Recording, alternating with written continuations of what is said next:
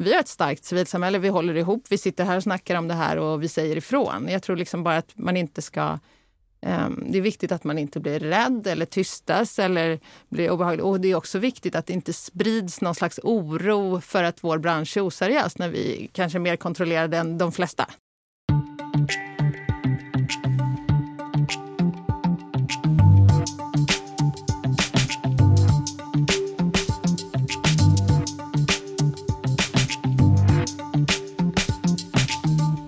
Henrik! Ja, Ted, hej! Tänkte säga, det var inte igår, men det var ju nästan igår man var här i studion. Det är full eh, rulle nu. Ja, det är många poddar på en gång, men det händer ju grejer i samhället. Mm, och vi är ju agila och snabbfotade som få. Eh, och eh, den här podden heter ju kort och gott Insamlingspodden. Eh, och vi brukar ju nörda ner oss i olika insamlingsmekaniker och kampanjer och profiler och sådär. Men idag tar vi ett litet annat grepp, även om det kommer pratas insamling också hoppas jag. Ja, alltså vi pratar om hotet mot civilsamhället som ju den här podden heter, det här avsnittet. Eh, för det var ju så att eh, Sverige fick en ny regering. Eh, man träffades på ett slott som hette Tidö och det skapades ett avtal mellan eh, Kristdemokraterna, Liberalerna, Moderaterna och Sverigedemokraterna som heter Tidöavtalet eller Slottsavtalet, lite beroende på hur man beskriver det. Eh, och det här avtalet granskades då utav Civil Rights Defender och eh, de hann inte ens knappt berätta att de hade gjort det förrän Björn Söder reagerade väldigt starkt på eh, Twitter och eh, ville att man skulle dra tillbaka statsanslagen till dem.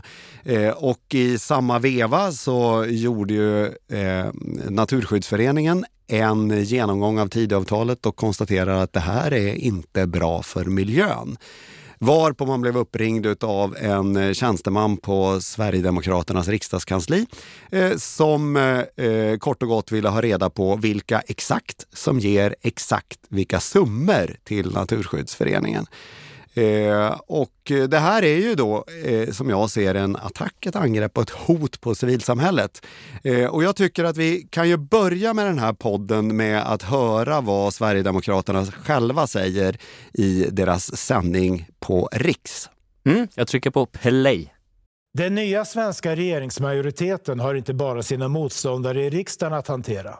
Organisationssverige har också blåst till strid. Frivilligorganisationer som Civil Rights Defenders, Rädda Barnen och Svenska Naturskyddsföreningen har länge levt på affärsidén att göra världen till en plats för jämlikhet och jämställdhet. Alla människors sociala och ekonomiska rättigheter ska tillgodoses. Och det låter väl bra?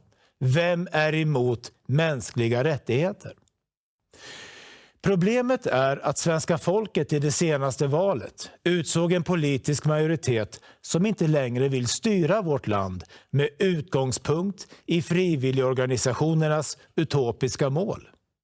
Vi ska inte längre offra vårt samhälle, vår trygghet, vårt välstånd på jämlikhetens, mångkulturens eller klimatomställningens altare. Studion är full. Studion är full med folk. Det är du och jag och det är Anna Manjar. Anna Manjar från Civil Rights Defender. Civil Rights mm. Defender. Och då har vi från Naturskyddsföreningen då? Andreas Druva som jobbar som marknadschef på Naturskyddsföreningen. Ni är ju hjärtligt välkomna hit. Tack. Eh, vi pratade ju i vår inledning här om angreppet på civilsamhället och ni representerar ju två av de organisationer som det pratades om i inslaget vi spelade upp här innan. Eh, ja men det har varit tuffa veckor för er. Ja, eller ja. Mycket att, göra. Mycket att göra. Mycket att göra, det är det väl alltid, men lite extra, absolut. Eh, ni bägge två granskade Tidöavtalet. Mm. Eh, och då drog det igång. Eh, vad var det som hände egentligen? Eh, vem får berätta sin story först? Okej, okay, jag, kan jag kan köra först. Eh, ja, alltså vi, Civil Rights Defenders är en människorättsorganisation som jobbar i världen men också i Sverige, har gjort länge. Eh, och vår uppgift är ju att granska politiken och besluten som förs, makten helt enkelt. Eh, och Eh, vi har ju granskat hela valrörelsen, alla partiers, riksdagspartiers partiprogram ur ett människorättsperspektiv. Så det började väl där, att vi gjorde det inför valet och sen så när tidavtalet kom efteråt så tittade förstås våra jurister på det utifrån ett människorättsperspektiv. Och hittade ganska mycket saker som, som inte liksom lirar med mänskliga rättigheter och de avtal och konventioner som Sverige har skyldighet att följa. Eh, så då kritiserade vi det. Ehm, vi kallade avtalet rättighetsfrånvänt, bland annat på Twitter. Och sen drog det igång och sen hade vi ungefär på en vecka där som eh, våra jurister eh, göttade ner i det där och liksom eh, sammanställde en rapport om detta och en vecka senare så släppte vi det. Ehm, och ehm, ja, det som hände sen, alltså det är lite en repris av vad som redan har hänt oss en gång tidigare. Så det här är inte helt nytt för oss. Vi är inte helt förvånade att det händer. Men det som hände var att Sverigedemokraterna, personer i partiledningen eh, gick ut och eh, ifrågasatte oss.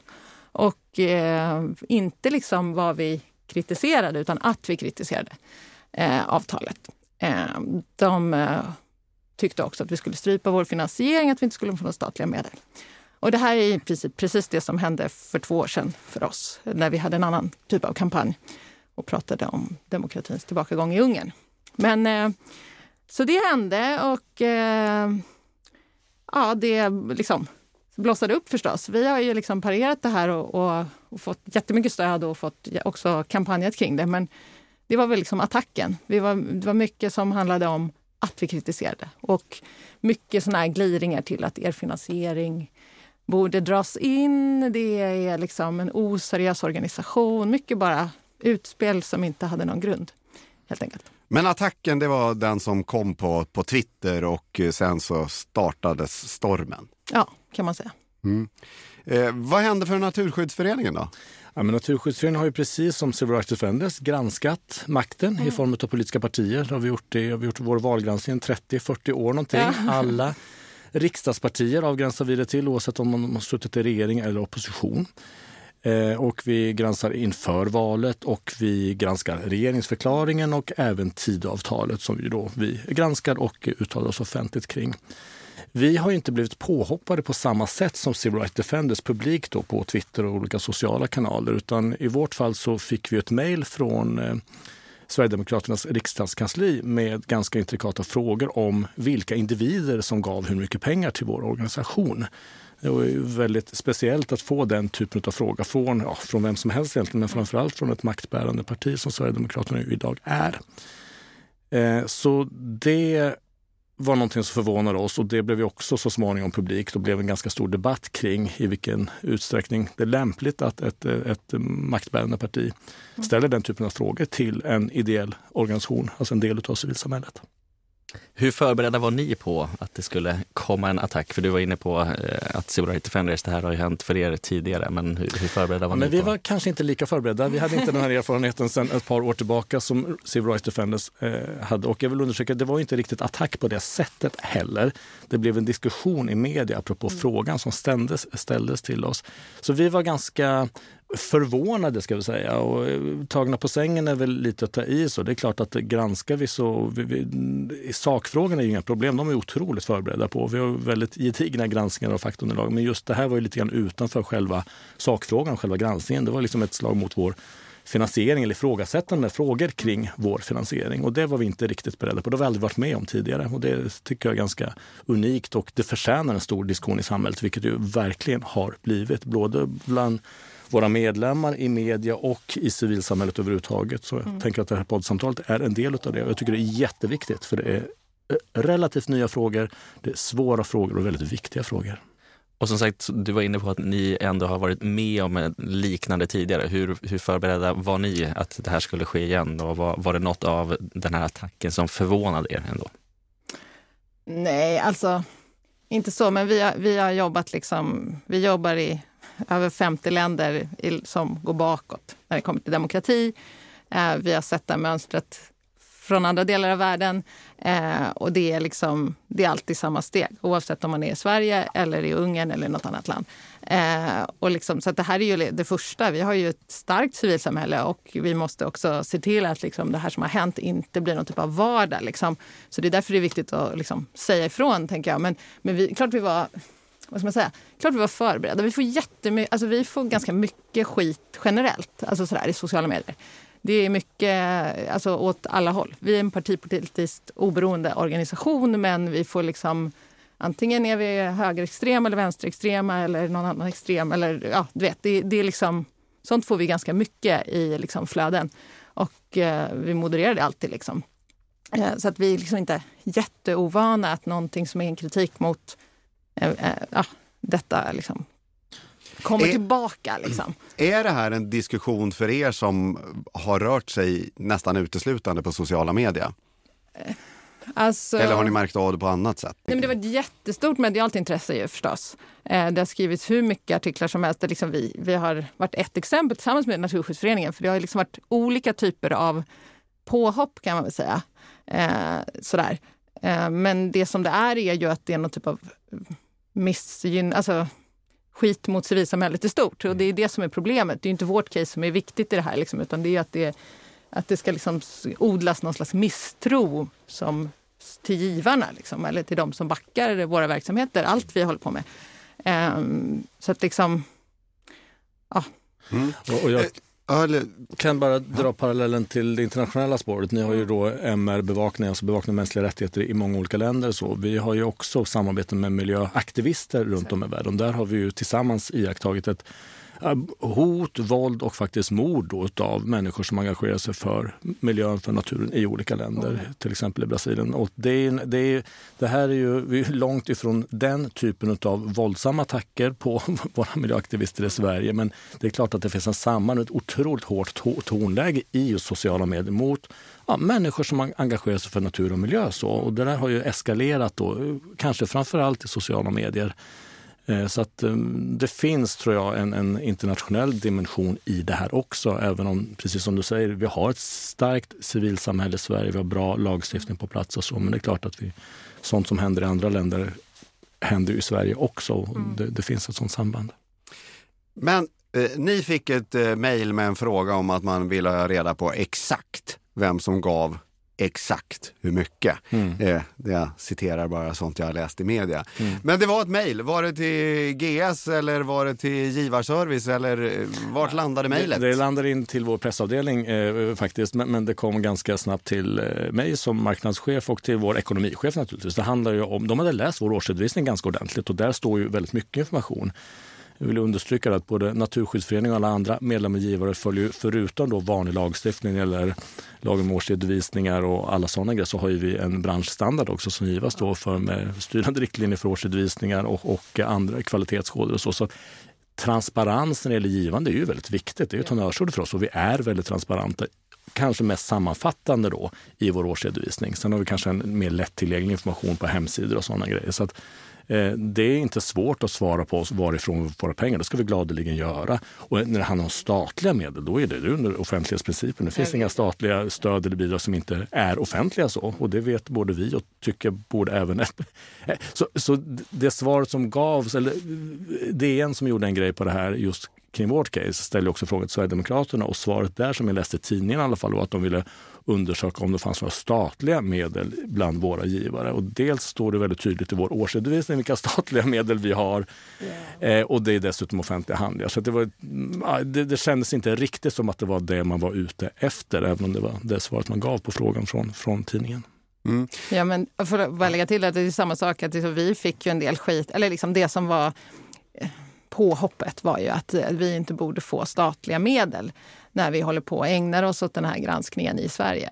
Men liksom alla som vet någonting om bistånd vet ju också att det går ju inte till till människorättsarbete i Sverige, det går ju till andra länder. Så att jag menar, all, allt det här är liksom bara det finns liksom bara ingenting bakom mer än att de vill börja skit på vår bransch. Vilket jag tycker är och det är liksom, väl det som är en av de absolut allvarligaste, allvarligaste sakerna här. Alltså det kan, man kan alltid diskutera hur mycket statligt medel ska gå i bistånd eller till ungdomsorganisationer eller till religiösa samfund. Det kan man absolut diskutera. Problemet är att man kopplar då en civilsamhällesaktör, Civil Rights Defenders, kritik mot ett avtal eller en kritik mot en politik till dess rätt att få stöd. Och där börjar det bli obehagligt. Man gör den kopplingen då. Eh, för att i en demokrati, och det är ju både grundlagsskyddat och det finns även en politik som, alltså att civilsamhället ska vara fritt och oberoende från stat. Så det här sambandet ska inte finnas. Då. Det är det som jag tycker är stor obehaget i det här. Nej, men det känns ju verkligen som att liksom Sverigedemokraterna vill att civilsamhället ska bli någon typ av ja-sägar-kår. Mm. Och det, det är ju farligt. Man ska ha ett starkt civilsamhälle, man ska ha en oberoende press. och Liksom det är grund, grundvalarna i en, en fungerande demokrati. Liksom. Så att, ja, Det är det som är Sverige. ja. Eh, jag var inne lite på eh, vad som hände, liksom, det här. Eh, så. Hur, hur tacklade ni det på, på, eh, på kontoret när det här då kom? Kände ni att det här ska vi slå på trumman för och ringa upp DN och berätta? Eller kände ni att, vad är jag? Liksom, hur? Ja, men vi kan backa lite grann. Då. Vi har ju som sagt var granskat alla politiska partier och det stod ganska klart att de partierna som nu bildade regering för ett tag sedan hade en ganska dålig miljö och klimatpolitik och det har vi varit väldigt tydliga med, väldigt outspoken då. Eh, och när regeringsförklaringen angavs så lade man ner miljödepartementet, det var, eller inkorporerade det i alla fall i näringsdepartementet. Det, det var liksom en, och det var någonting som vi var kritiska till och som fick väldigt stor spridning i sociala medier. Vi gjorde en liten dödsannons som fick en enorm spridning både i sociala medier och eh, i... Så att vi kände att... Den var väldigt snyggt gjort. Ja, tack så mycket. Jag ska hälsa mina Den kollegor på hyllat. kommunikation. Ja, den har vi också Det har jag redan Nej, men sagt, det- men- ja. Nej, men så att, Ja. vad, vad jag vill komma till, vi kände ett stort stöd trots då att den här, de här partierna som nu sitter i regeringen har, det, det är tuff miljöpolitik. Liksom. Det är, ur vårt perspektiv en ganska dålig miljöpolitik och klimatpolitik. Och, och, eh, så fick vi ett väldigt stort stöd. Så vi hade precis förberett oss att gå ut med att vi hade fått 10 000 nya medlemmar som en direkt eller indirekt följd av att vi hade varit, stått upp för naturen i samband med att då regeringsförklaringen angavs och att man la ner miljödepartementet med mera. Så den, den hade vi precis laddat för och sen blev det offentliggjort just det här mejlet från Sverigedemokraterna. Så det blev som en andra våg av stöd och det är klart, det är väldigt, man, ibland känner man sig lite ensam när man står där och kämpar för naturen och ingen lyssnar. Så. Eller väldigt få lyssnar. Men, men det stöd som då både våra nuvarande medlemmar, vi har många nya medlemmar och givare, det tror jag också Defenders, så det är otroligt stärkande. Liksom. Det gör ju att både vi och alla våra 200 000 medlemmar orkar kämpa vidare. Så, så det, det har kommit mycket positivt ut ur det här också i form av både moraliskt stöd men ekonomiskt stöd och nya medlemmar. Så.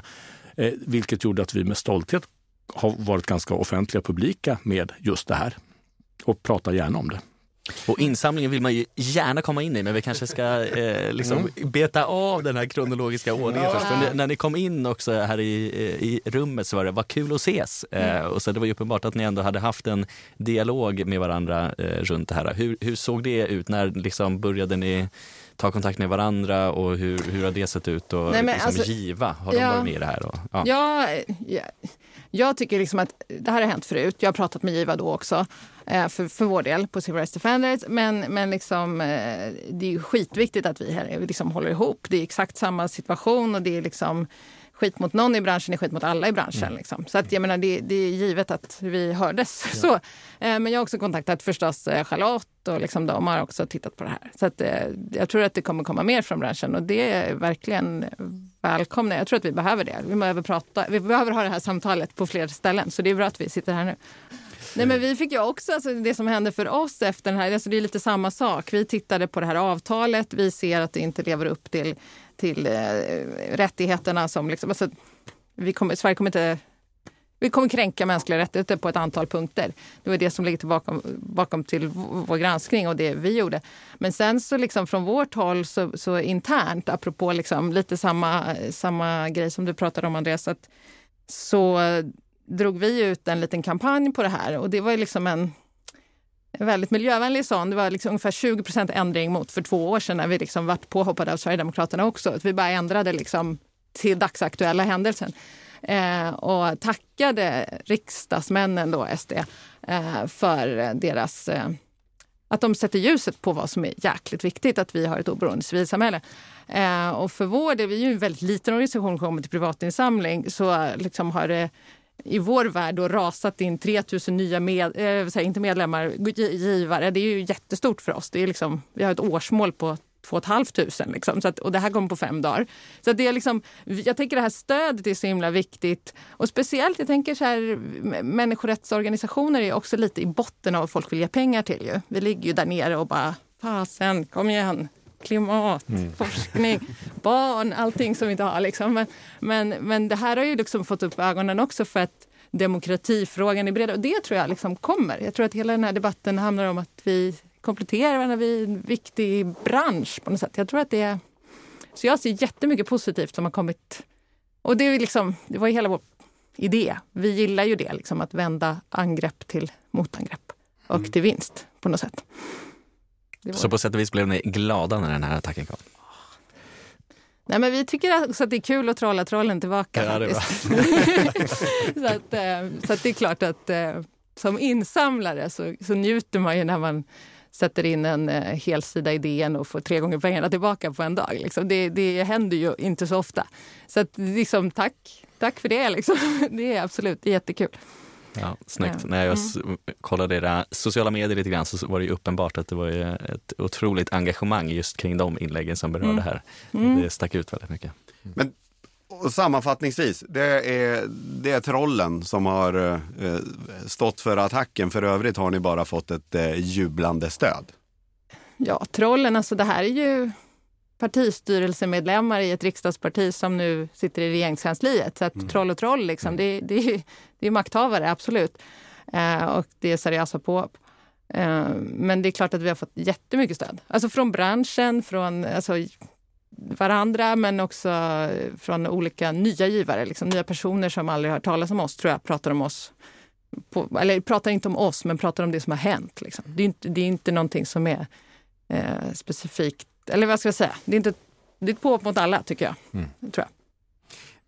Är det här bara en engångsföreteelse eller är det en ny trend som vi ser i samhället? Då? Kommer det här att fortsätta att makthavare, som du säger, som sitter i regeringskansliet, har personer där, eh, kommer att fortsätta pressa på civilsamhället?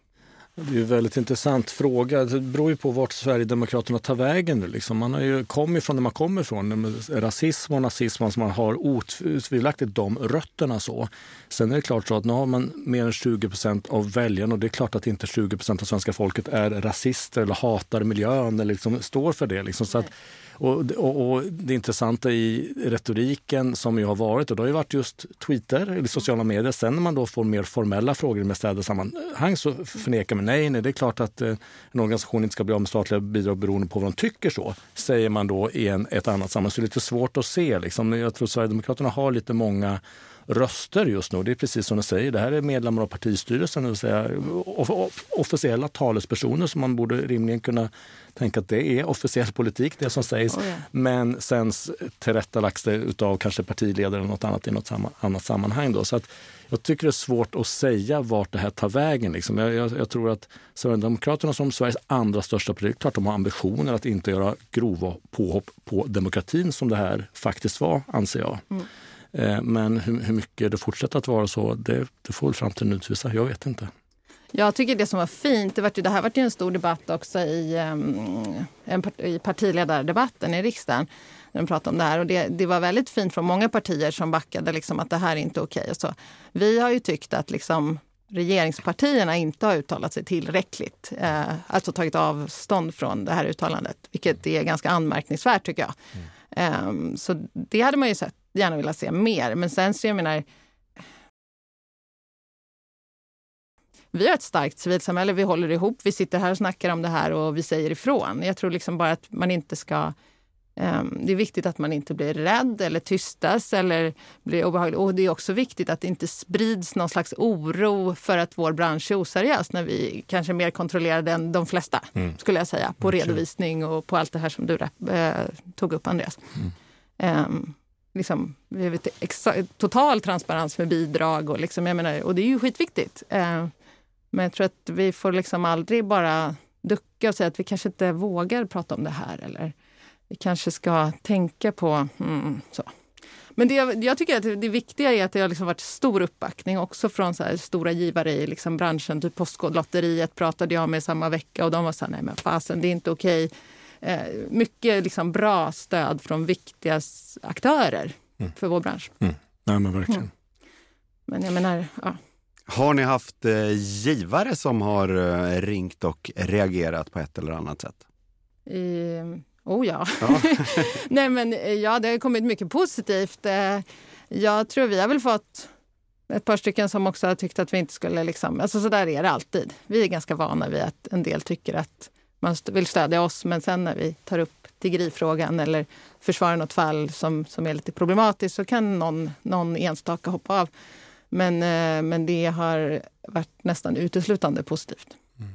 Det är alltid en balans mellan att vara då partipolitiskt oberoende som vi båda är och som mm. de allra flesta organisationer ju är mm. eh, och ändå kunna kritisera politiska partier egentligen oavsett om de sitter i regeringsställning eller i opposition. Eller vad. Det, det, den rätten tar vi. Så vi, vi granskar och kritiserar makt så, men det gör vi utifrån att vi är partipolitiskt oberoende. Så. Och det kan en del både givare och medlemmar kanske missuppfatta och säga men nu är vi ja. partipolitiska. Nej, det är vi inte. Det, är vi. det, handlar om vad det här partiet säger här och nu. Så. Mm. En del sådana frågor kommer. Ja, och jag tänker att båda våra organisationer har ju verkligen också granskat alla partier. Ja. In, liksom, inför den här och många andra gånger också. Det är liksom inte, det råkar vara de som sitter vid makten nu som har gjort det här avtalet och då granskar vi det. Ja. Men det hade kunnat vara vilket parti som helst som står bakom det. Precis.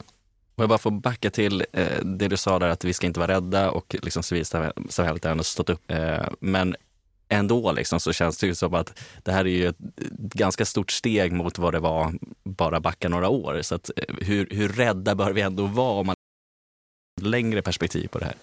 Åh, uh, ja, alltså det följer ju ett mönster och det är därför vi har liksom tyckt att det här är absolut inte okej och väldigt allvarligt. Och också väldigt allvarligt att inte regeringen har tagit avstånd, faktiskt. Nu har jag sagt det två gånger, men, men ändå. för, att det följer samma mönster. All, I alla länder där vi jobbar och där de, demokratin går tillbaka så börjar det liksom med att man målar ut det här hotet mot nationen. Liksom. Oj, det är så farligt och nu måste liksom vi alla samlas kring någon typ av uh, stark ledare. Liksom. Eh, men nästa steg är ju också att eh, börja eh, smutskasta de som kanske då backar de utsatta grupperna. Och nu råkar det vara vi. Det kan vara klimatet eller det kan vara utsatta grupper som liksom får bli diskriminerade eller annat. Eh, och för att liksom skapa någon typ av misstro mot oss och, och sen så liksom genom lagstiftning då eh, inskränka eh, vad ska man säga, eh, Eh, förutsättningar för oss att, att vara ett oberoende civilsamhälle. Det följer ju samma mönster. Sen är ju inte vi Ungern, vi är inte där. Liksom. Men det är inte heller så svårt att gå de här stegen om man inte säger ifrån, om man inte liksom direkt markerar. Så jag tror liksom att för vår del så liksom det här, allt stöd vi har fått har bara stärkt oss. Att vi, vi kommer bara köra, alltså, det skulle vi gjort ändå, men, men att det, det är viktigt att säga ifrån. Mm.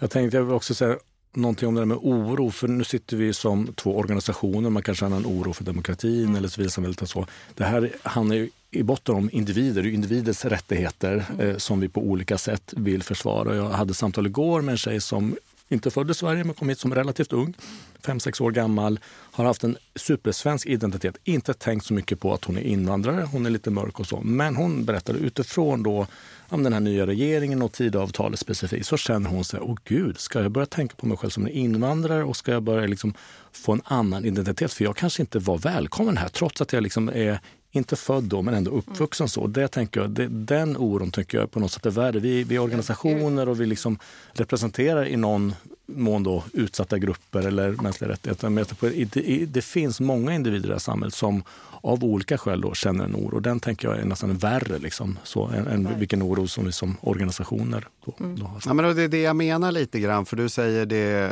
du nämner Ungern. Eh, stegen är inte så långt och eh, det pekar i den riktningen i, i det man gör och det man säger. Eh, och just det du gör när du drar ut och liksom eh, pratar ner på, på individnivå. Eh, finns det en risk att vi hamnar där? Det brukar man säga att demokratin, den inte är den måste man kämpa för varje dag så att säga. Jag menar, nu har vi som sagt byggt upp ett starkt civilsamhälle under en lång tid och vi har liksom i Sverige då haft ett stöd. Jag tycker det finns en civilsamhällspolitik, den som jag tror i alla fall fortfarande gäller, är bra. Den är stark och den är så. Men det är klart, slutar vi kämpa för det eller slutar vi påtala det, det är klart att det är ingen naturlag att vi har demokratiskt samhälle. Det har vi sett i många länder. Så det tänker jag, risken finns absolut och jag tycker det är viktigt att vi som jobbar i civilsamhället höjer våra röster och kämpar. Och det är också, som jag sa tidigare, väldigt befriande att det finns så pass många individer och debattörer för den som också står upp för de demokratiska rättigheterna som ett civilsamhälle ska Verkligen. Men eh, de facto har majoriteten av svenska folket röstat fram eh, de som nu sitter vid makten och som du säger inte tar avstånd från, från det som har hänt och det som har skett. Eh, så det, det är ju en fara liksom. Eh, så ser jag det i alla fall. Så.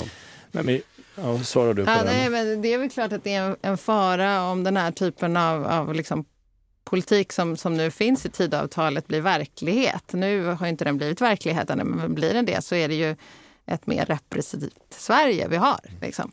Eh, och det är klart att det är problematiskt, eller på så många sätt. Och det är klart att det inte är bra för demokratin. Eh, men vi är inte där ännu. Och liksom det, eh, ja, vi har lite jobb att göra in, in för varje lagförslag som kommer, känner Mm, jag. Liksom. Vi, har, vi har mycket att göra. Eh, oss- alltså allihopa. Eh, så vi är inte där ännu ändå. Och det är ju inte hela svenska folket som vill att vi ska bli rättighetsfrånvända, liksom, bara för att man har röstat heller. Eh, Du var inne på Andreas med, eh, och det har vi kommit till Mm. flera gånger, men att eh, ni båda eller, och vi alla är liksom partipolitiskt obundna. Eh, Men hur, hur bra koll har ni liksom på era givare och medlemmar, hur de står politiskt? Jag tänker, jag var, hade en, Giva hade någon lunch här för några veckor sedan och då satte jag på Fredrik från Majblomman och så eh, hyllade jag lite deras eh, parti eh, eller eh, kampanj de hade kopplat till valet där de eh, hade partiblommor som de eh, sålde. Eh, och då sa han att ja, det blev ju lite stormigt där för att då sålde ju de då också SD-blomma och då blev ju deras eh, givare lite störta av att hur kan ni sälja en SD-blomma? Eh, hur bra koll har ni på era givare? Nej, men ingen alls. Alltså, ingen aning om vad de röstar på. Alltså, vi, under, vi undersöker ja, men, demografi, vart de bor och gamla de är och liksom, eh, sådana bitar. Men partisympatier är ju, ligger väldigt långt bort från att undersöka på något sätt. Liksom. Så, så nej, vi, vi vet inte. Eller i alla fall nej, gud, inte vi heller. Och det, det ska man väl inte veta, tänker jag. Eh, det är väl väldigt privat eh, också.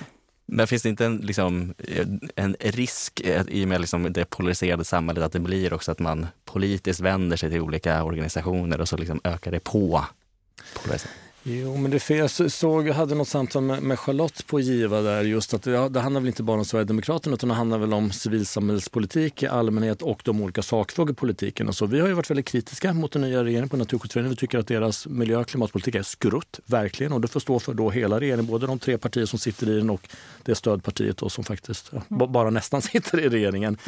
Eh, och det är klart att det kan uppfattas som att vi är mer kritiska mot de partierna än mot andra partier. Eh, och, och det är samma sak att partierna kommer olika bra ut i våra granskningar. Så, så det, det, återigen, då, det kan man då tolka som att vi tar ställning för eller mot olika partier. Det gör vi inte. Vi tar ställning mot, för eller mot olika partiers politik, sakinnehåll. Ja, verkligen. Jag kan, alltså, det är samma, vi är också partipolitiskt oberoende men vi driver ju ändå människorättspolitik precis som ni driver klimatpolitik. Eh, vi har uppdrag liksom. Ehm, så att eh, det är klart, alltså, jag är ganska så här lutter. Vi får sånt här hela tiden för vi tar också ganska mycket profilfall. Vi är en juristorganisation, driver fall, liksom rättegångar och sådär. Och det är klart att liksom en del tycker att det ena eller det andra är för extremt. Liksom. Men någonstans så, jag menar, det som förenar vår givarbas är ju att de tror på de grundläggande mänskliga rättigheterna oavsett partifärg. Liksom. Så att jag tror liksom att, eh, eller jag vet inte, det, det är det. Och, och tycker man då att ett fall är för mycket, ja då kanske man lämnar, då får det väl vara så. Liksom. Jag tänker att eh, de flesta gör inte det. Mm. Liksom, det är väldigt ovanligt. Ni var ju inne på det här engagemanget som ändå eh, kom eh, kopplat till det här. Vad, vad, vad hände där? Hur jobbade ni med, med det och, och insamlingsmässigt och, och medlemsmässigt? Vad, vad har hänt? Kör du.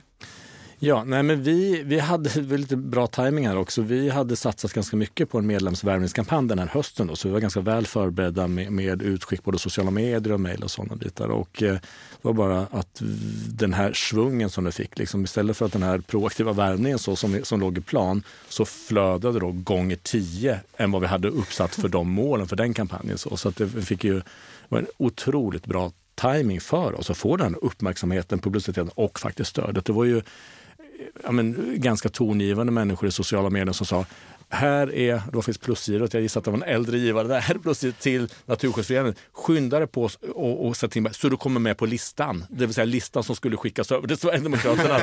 alltså, vi skickar inte över en sån lista, men det var, det var liksom en liten så här tävling om att komma med på listan.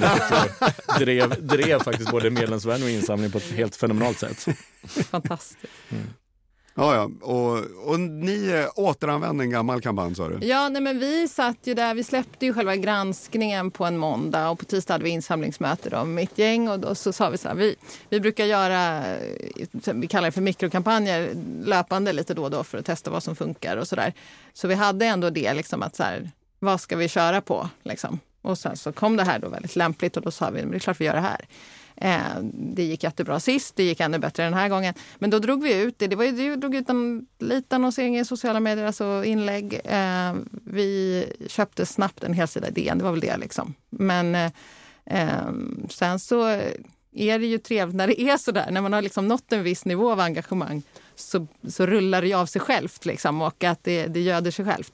Så det, det rasade ju in mycket. Sen har ju vi också gått ut med mejl, vi har delat granskningen, vi har bett folk att bli månadsgivare och sådana där saker både på mejl och sms. Så, att, så att det har ju liksom det blev en liten extended eh, mikrokampanj för oss, skulle man kunna säga. Men det var också väldigt så här, ja, men vi kör på samma grej. Det funkade sist. Det var ju väldigt kul. Liksom. Det är ingen som kommer ihåg det förstås, förutom vi. Men, men eh, för oss var det ändå en historiskt lyckad kampanj. Liksom. Mm. vi gjorde den.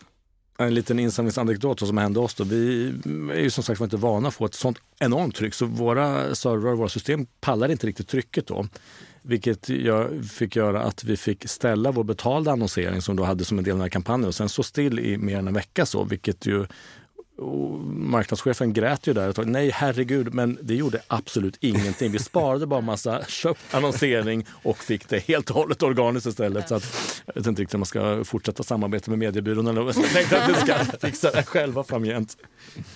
Men hur länge, för nu var jag inne på er hemsida i, i morse här och då det första jag möttes av var ju liksom gengåva och den här kampanjen. Hur länge kommer ni liksom fortsätta kunna rida på det här?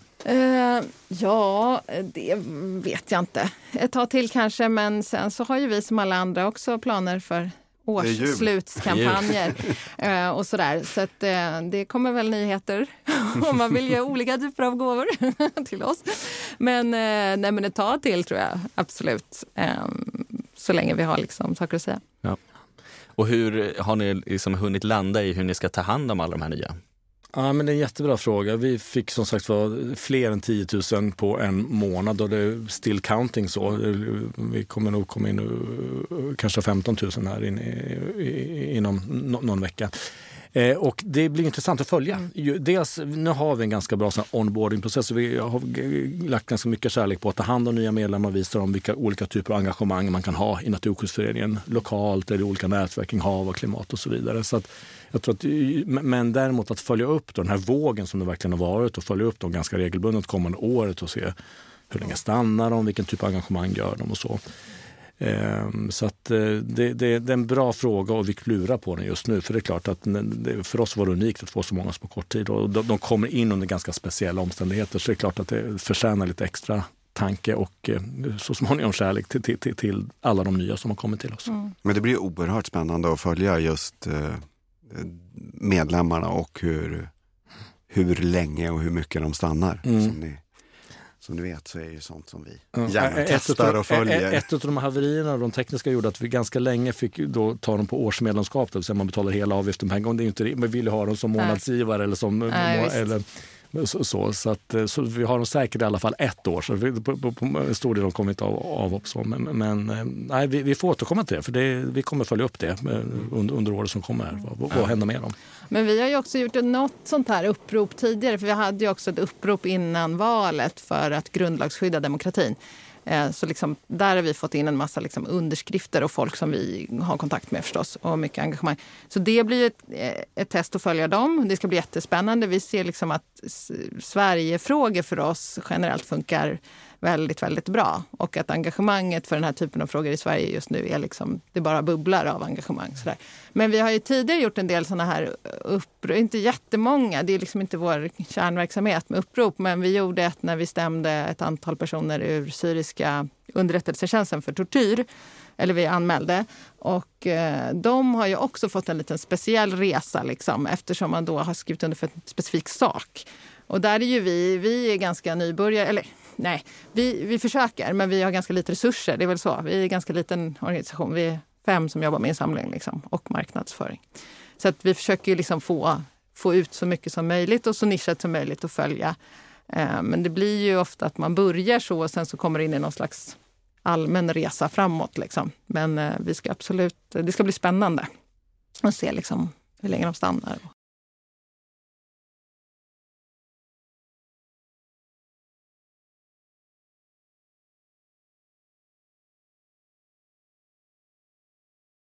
Nej, men det blir intressant att följa er när det har gått ett tag och se hur, eh, hur det har gått. Vi ringer faktiskt, alltså vi ringer alla som skrev upp eh, inför, inför valet. Alltså på grundlagsskydd, de håller på att ringa nu.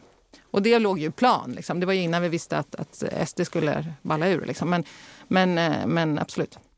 Så det är spännande. Och där ser vi faktiskt, om man då ska nörda ner lite bättre konverteringsgrad än vår vanliga TM på nya givare. Så det är ju ja, det är väl kanske inte så konstigt när det är så nära på, men, men det är också kul. Att det kanske är en ja, men det här tidig ger... indikation på något engagemang kanske, jag vet inte. Ja, men det här ger väl en svung för det också? Liksom. Ja, ja, definitivt. Så definitivt. Det, det hänger väl ihop. Mm. Du var inne på den här dödsannonsen, du bara liksom nämnde den lite i förbifarten, mm. men eh, jag vill gärna höra lite mer om den. Liksom, var ja. det något ni hade tänkt redan innan liksom, valet, att vi ska göra någonting, vi sätter oss ner när det händer? Eller? Nej, men vi var laddade inför regeringsförklaringen, då bevakar vi den, varje ord, vad som sägs och så. Och sen var det då just att man lägger ner miljödepartementet eller inkorporerar det i, i näring. Eh, Dödsannonsen, det var eh, några kollegor, kommunikatörer, som kom på det i och fick ut den. Vi är en stor organisation, många förankringsrundor brukar ta alldeles för lång tid innan vi liksom, men här var vi snabba och liksom sköt ut den och den gav ju en enorm svung. Och det blev en sån här, den blev verkligen viral. Alltså den fick ju som miljontals som, som såg den och plockades upp av TV4-nyheterna. Den återpublicerades i, i nästan alla de stora etablerade medierna, antingen med en skärmdump eller, eller med um, Eh, Eh, med eh, länk till Insta var den stora kanalen, men vi körde den även Facebook och LinkedIn. Så, så den blev ju också en, en snackis i gammemedia, så att säga, alltså i traditionell media. Jag ska verkligen kredd till, till vår komavdelning som fick ut den annonsen, som sa just att eh, ibland och ändå snabbhet är viktigaste kvalitetsmåttet. Så det har jag skrivit ut och satt upp över hennes skrivbord. Då. Så att eh, snabbhet som kvalitetsmått, det, det, det, det, tror jag mycket på. Särskilt Verkligen. i gamla, stora, tunga organisationer. Verkligen. Och det är ju det som är alltså, tajmingen. Att ni gjorde det så snabbt för i ert fall och att vi fick ut vår snabbt, även fast vi inte hade gjort granskningen ännu, var ju helt avgörande också för att det var så stor svung. Mm. Absolut. Eh, och vi använder faktiskt också själva i ett e-postutskick några dagar senare till befintliga medlemmar och eh, bad om Swish. Och vi har inte jobbat så mycket med vare sig Swish eller framförallt inte e-postmarknadsföring. Men vi fick in närmare en miljon kronor på, på det utskicket via Swish bara. När vi spann på den annonsen, för den, den låg liksom... Det var, det var annonsen i sig, var, var, var smart kommunikation, var en bild, det var symboliskt. Mm. Och ett miljödepartement som har lagts ner, det blev också väldigt så här, okej, okay, de vill inte ha någon miljöpolitik längre. Perfekta realtidsaktiviteter aktiveringen. Ja. Jag tyckte det var så snyggt. Så att det, det, den, den flög fantastiskt bra och som sagt det här var ju någon vecka innan den här mm. SD-affären, ja. eller vad vi ska kalla den för. Um, ja. så, så vi hade redan vind i seglen eh, bara utifrån det. Då. Har ni gjort någon sån typ av aktivering förut eller var det här första gången ni Alltså, närmsta jag kommer ihåg, jag gjorde, när jag började som marknadschef och inte fattade att man skulle förankra grejer i vår organisation, gjorde jag en natural reality-film. Kommer ni ihåg 2016, det var VR tippades bli årets julklapp. Och då gjorde vi NR, Natural Reality, och vi chansade på att spela in en NR-film. Och den, är vi har kortslått alla beslutsvägar som fanns då. Jag skyller på att jag var ny då. Det hade jag inte vågat göra nu. Jag kommer ihåg det. Ja, du kommer ihåg det. Ja, men den flög ju också fick otroligt bra spridning. Och så, det var inte så bra insamling för att inte kunnat koppla på någon insamling på det. Men, men det var en sån här skjuta från höften lite grann, chansa och inte liksom analysera så mycket och skjuta ut timingmässigt.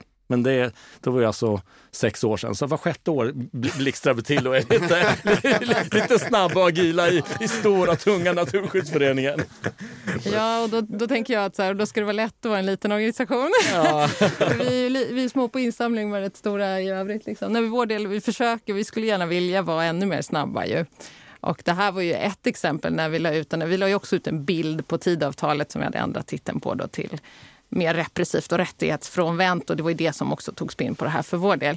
Eh, men eh, i vanliga fall så har vi också extrema beslutsvägar. Det är ju liksom så här, vet, handlar det om vår internationella verksamhet så är det ju till en gräns att liksom någon, någon faktiskt kan bli fängslad, eh, dödad. Alltså, det är människorättsförsvarare som lever i precis det som du berättade om tidigare. Liksom, det är extrema säkerhetssituationer. Så att, så vi har väldigt många säkerhetsinstanser framför allt innan vi kan gå ut med grejer. Mm. Men eh, då är det enklare med Sverigefrågor för vår del. Det är alltid en jurist som ska titta på grejer. grejer. Ja, jag tänkte då en juristorganisation. Ja, precis. Ja. Många jurister. och säkerhetsexperter. Men det är viktigt. Mm. Sjutton vad spännande det har varit att sitta och prata med er om det här. En bra insamlingspodd. Ja, men vi fick nörda ner oss i insamling som vanligt, men också prata lite större frågor. De stora samhällsfrågorna. Mm. Det var ju inte riktigt vana vid. Men jag tror det är bra. Jag tänker att insamling ska hänga ihop med vår roll som ja. ideella organisationer, som en del av civilsamhället. Så jag tror otroligt viktigt eh, att vi liksom har det helhetsperspektivet. Både att våra kollegor som jobbar med våra jurister och våra sakkunniga har ett insamlingsperspektiv, men också att vi som jobbar med insamling har perspektivet vilken roll vi spelar i, i demokratin. Och så så jag tycker att det är jättebra mm. naturligt och självklart att vi mergar de två perspektiven. Definitivt. Jag tycker också att det är liksom så viktigt att vi har det här samtalet och fortsätter ha det här samtalet. För, för det får aldrig bli vardag att, att det här sker. Liksom. Det, det är bara helt oacceptabelt. Mm. Så att, eh, och där känner jag liksom att vi står starka. Nu är ni med. Alla, det är många som har visat stöd i branschen och jag tänker att det är viktigt att vi håller ihop uh, framåt. Verkligen. För som sagt, vi är inte där än, men alla kan hamna där om vi inte säger ifrån. Så är det. Hörni, ni ska ha ett stort tack att ni kom till Insamlingspodden. Tack själv. Tack själva. Tack så mycket.